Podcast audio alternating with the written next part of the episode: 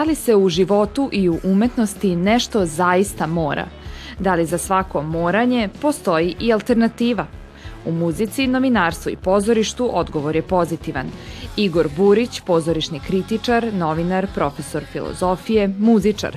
Iako nije morao, objedinio je i pomirio sve ove umetničke grane. Gde, kako, zašto i kada, morala sam pitati Igora.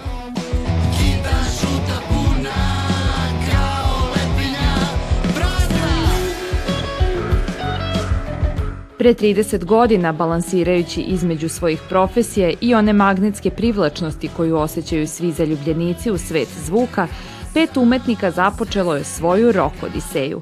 Danas, tri decenije kasnije, iskusniji, zreliji i odlučniji nastavljaju tamo gde su stali. Ne zato što moraju, već zato što o tome sanjaju.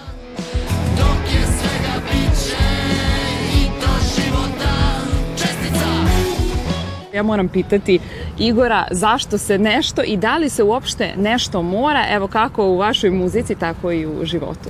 Da, pa ta cela uh, enigma oko tog imena je počela zapravo na našim prvim susretima kada smo radili neke stvari pa nije bilo mene ili Zorana ili Šomija ili Dine i onda smo mi uvek uh, u, u htenju da svi odlučuju o nekim stvarima govorili jao moramo pitati ovoga, moramo pitati onoga, a zadržalo se nekako ovaj, ovaj prvi kog su nešto morali da pitaju i posle se to pokazalo kao intrigantno, da zbunjuje malo ljude, da ne mogu da zapamte je li to nama stvarno ime ili radno ime, što jeste dugo bilo.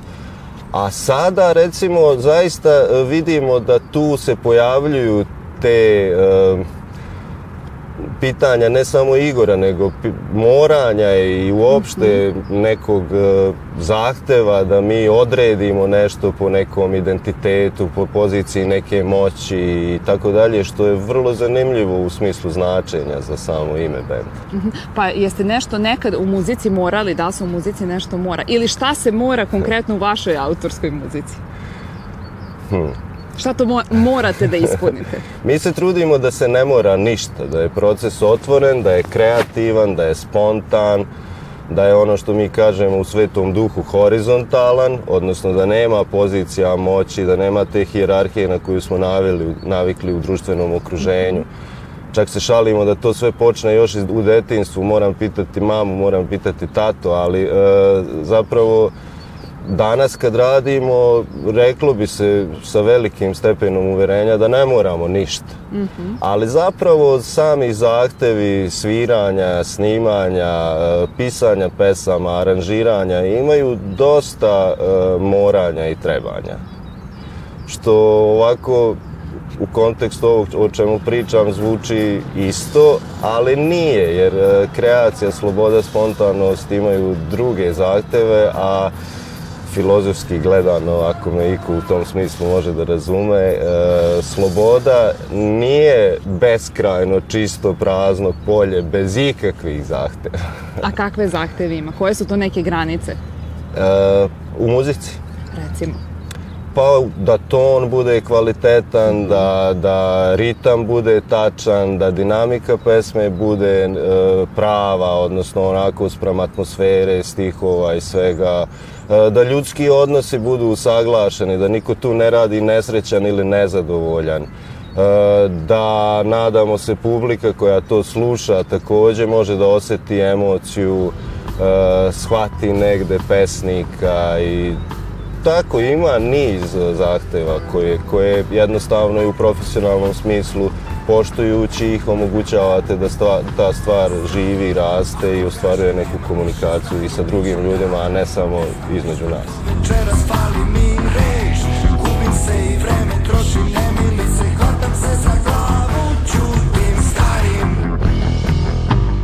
Album Elementarna logika uh, izlazi i uh, ja sam imala tu priliku eto da preslušam pesme i to jeste neki rock, ali opet iskače iz uh, onih klasičnih okvira tog, tog stila. Šta je, kako biste vi opisali, ko, kom to žanru pripada vaša muzika? Mi smo čak iskovali jednu novu reč, e, ne samo zato što je to često u umetnosti e, potrebno, jer baš kad iskačemo, kad prevazilazimo granice i tako dalje, potrebne su nam i nove reči. Mm -hmm. Pa sam ja to nazvao Gen Z rock, a zapravo to je izraz želje da on bude bliži novim generacijama koji sebe nazivaju Gen Z, mm -hmm. a rock u smislu onog klasičnog roka, jer mi smo odrastali zaista na, od najklasičnijeg mogućeg preko punk roka do novog talasa, post roka i kako se sve to nije zvalo. A danas vidimo jedan ne samo taj retro što zovu trend vraćanja na te 60. 70. E, i mnoge druge dekade e, i inkorporira se čitav taj elektropravac, elektronska muzika, uslovi napretkom tehnologije i uslovi snimanja i produciranja zvukova su otišli mnogo daleko i otud je jako teško zapravo definisati i kategorisati ne samo našu muziku, nego današnju mm -hmm. muziku uopšte, jer u njoj čujete i poznate i nepoznate zvuke i aranžmane, mm -hmm. pa tako i kod nas. Pa recimo da se zove Gen Z rock, a zapravo bi onako možda bliže i stručnije bilo neki hibridni elektro rock.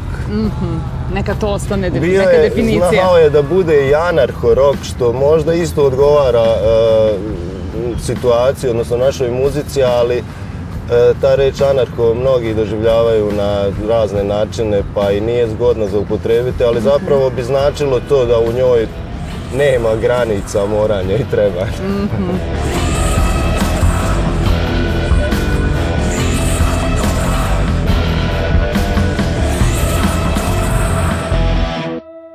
Što se tiče tema koje obrađujete, konkretno ima dosta nekih autobiografskih uh, momenta. Kako se jedan čovek, umetnik, odluči da neku svoju intimu, nešto što je on lično doživeo i proživeo, podeli, otkrije sa nekim nepoznatim ljudima, ne znajući opet na koji način će to biti prihvaćeno i da li će uopšte biti?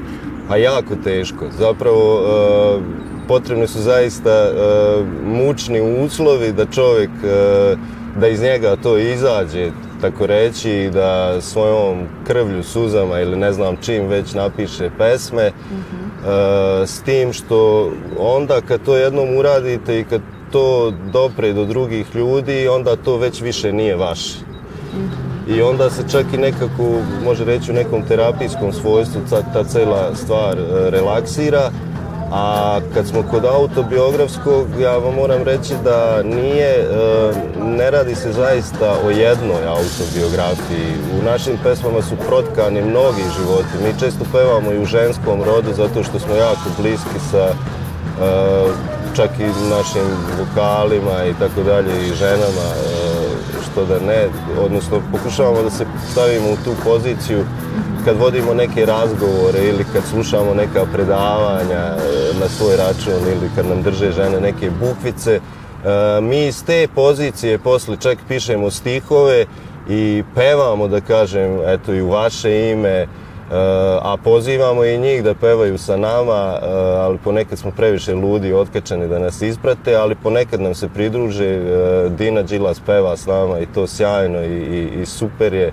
Tako da, autobiografsko opet može da se shvati uslovno, jer čak i ono što do, donesemo mi iz benda e, kao neki dnevnički intim, najintimniji zapisi, vrlo brzo se u procesu rada pretvore u nešto što delimo i što zajedno stvaramo. Tako da to budu samo neke početne ideje.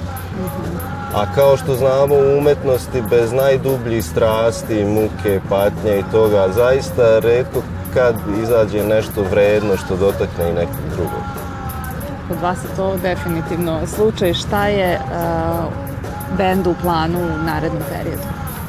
E, trenutno se jako trudimo da usviramo i uvežbamo sve što imamo da koncertno možemo da prezentujemo naše pesme, a zapravo e, u martu se vraćamo u studio, mi smo mhm. snimili pet pesama, nastavljamo to do ne, nečega što bi imalo oblik albuma, kako se nekad e, tradicionalno radilo i znalo za to, da objavimo ploče, kasete, a zapravo danas znamo da to mnogo više se tiče dizera, mm -hmm. band campova, društvenih mreža, YouTube-a i tako dalje.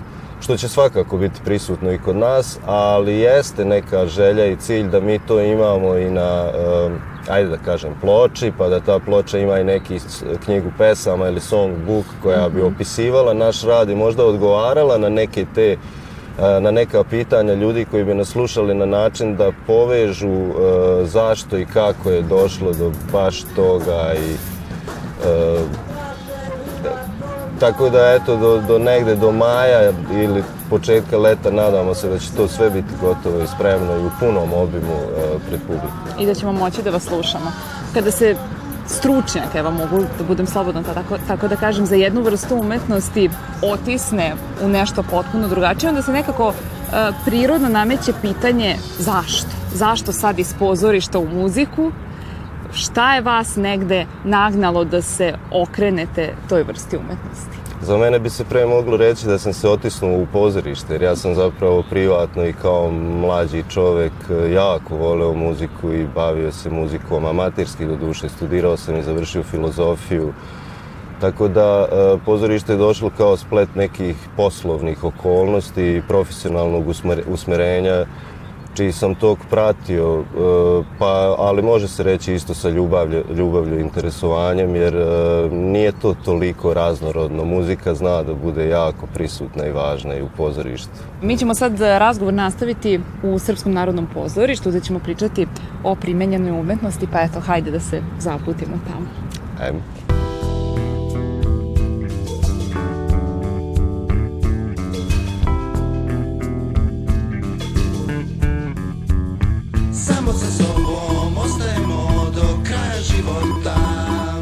Ton ili reč, melodija ili rečenica, muzika ili pozorište. Najjasnije možda govore u glas. Muzika je uz teatar od njegovih prapočetaka. Zvučni efekti korišćeni su tokom predstava u staroj Grčkoj, Kini i Indiji. Srednjevekovna komedija Delarte sadržala je muzičke numere pre, tokom i nakon predstave. U Elizabetanskom pozorištu muzika je ilustrovala atmosferu i dočaravala određene zvuke iz prirode od sredstva za promenu scene ili kostima do ravnopravne uloge u predstavi. Za pozorište su pisali kompozitori poput Beethovena, Žorža Bizea i Edvarda Griga.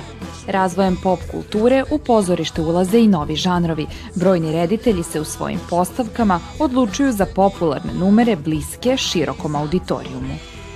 Kao pozorišni kritičar, a istovremeno s druge strane, je li neko ko se bavi muzikom i komponuje i izvodi, na koji način doživljavate muziku u predstavi i da li muzika može u potpunosti da pokvari ili da popravi utisak o nekoj predstavi, kada posmatrate sa strane kritičara?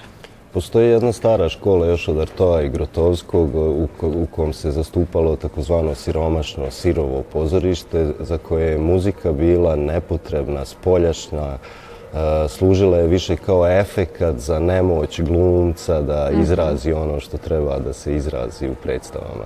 Međutim, e, razvojem je pozorišta, teško je sad govoriti o tako na neki način pojednostavljenoj verziji i viđenju, E, muzika je zapravo jako važna, jako snažna komponenta. Istina je da imaju predstave u kojima muzika pojačava emociju mm -hmm. ili neku radnju i tako dalje, ali postoje i predstave u kojima je muzika integrativni deo e, sa, samog umetničkog dela i u takvim predstavama zaista jako je teško čak razdvojiti muziku od drame ili čak u muzičkom pozorištu često kad imamo i songove što isto u istoriji pozorišta ne možemo govoriti o tome da ona ne pripada pozorištu. Mhm. Jako mu pripada, jako je važna.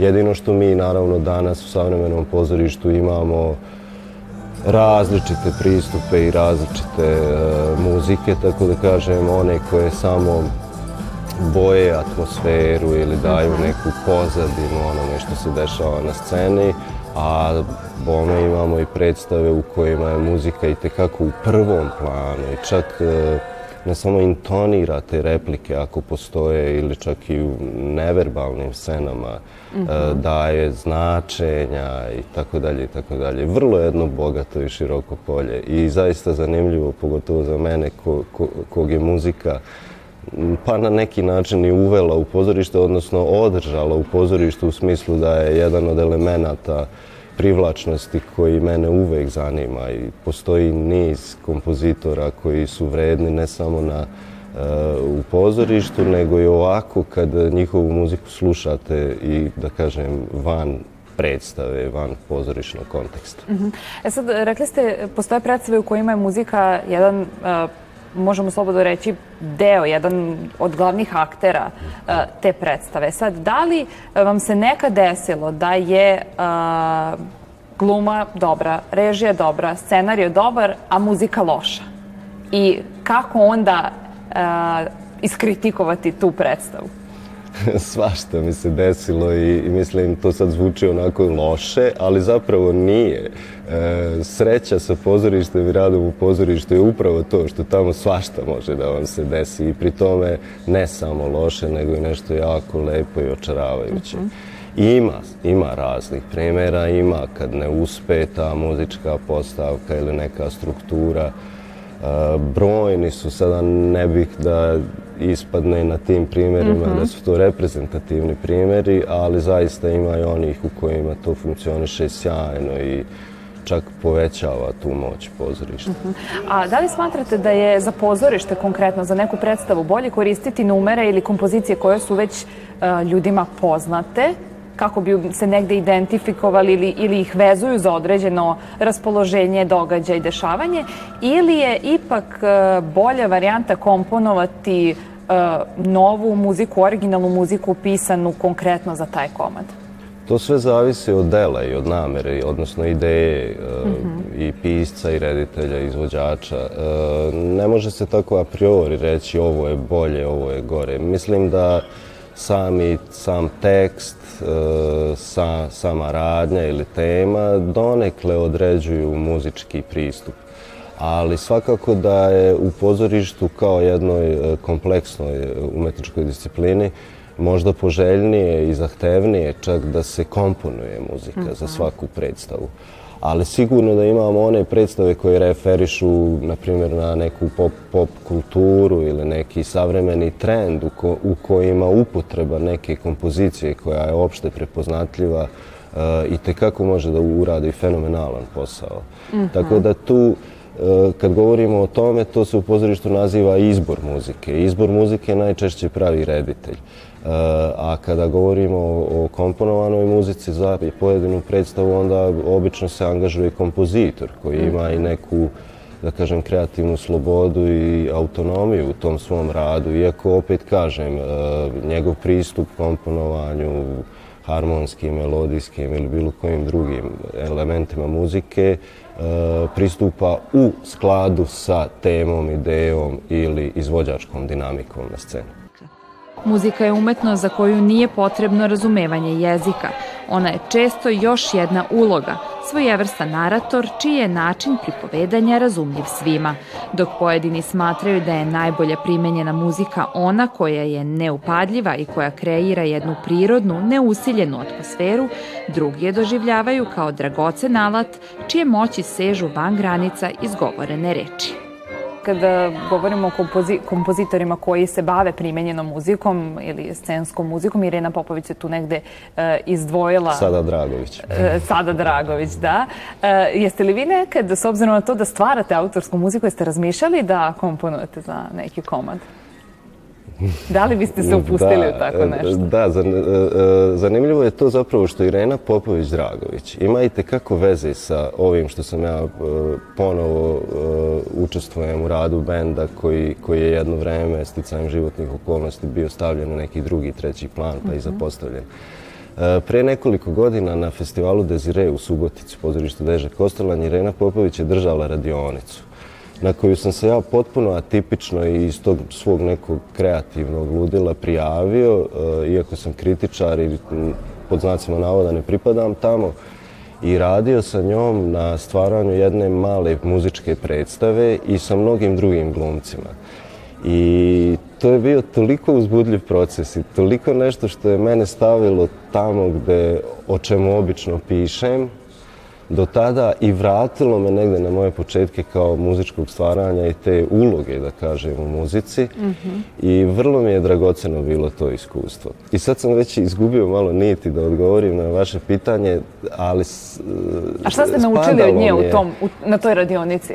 Onako najdragocenije nešto što vam je ostalo zapečaćeno u sećanju.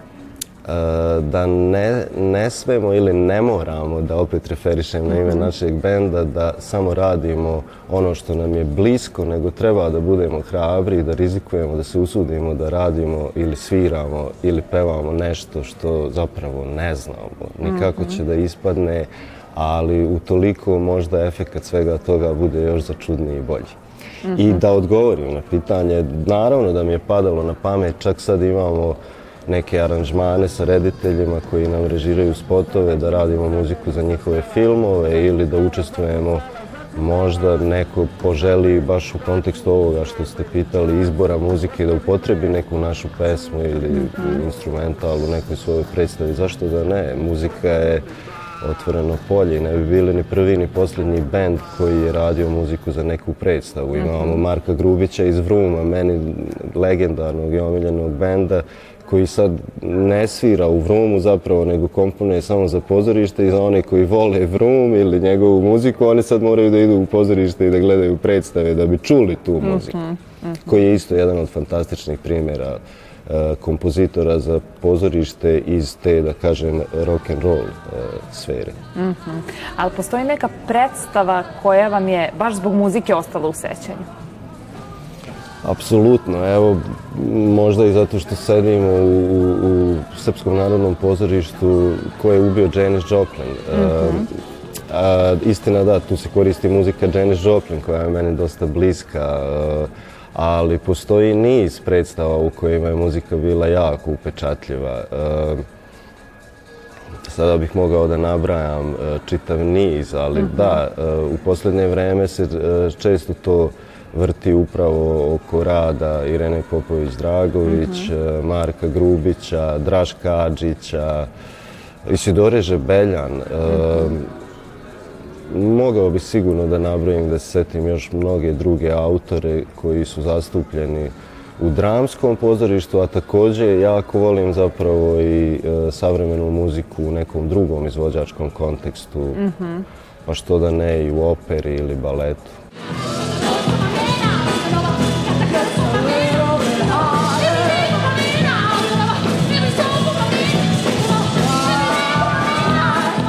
Kompozitor kada se prihvati komponovanja za određenu predstavu, koliko dugo traje sam taj proces upoznavanja njegovog sa dramskom radnjom, raspoloženjem, e, likovima, on praktično mora negde da protumači svaki lik, da ga prostudira, da zna kako ta osoba ili kako taj karakter, e, što bi rekli, diše, da bi mogao negde da to njegovo unutrašnje biće pretoči u taj svet zvuka. Koliko traje taj jedan proces?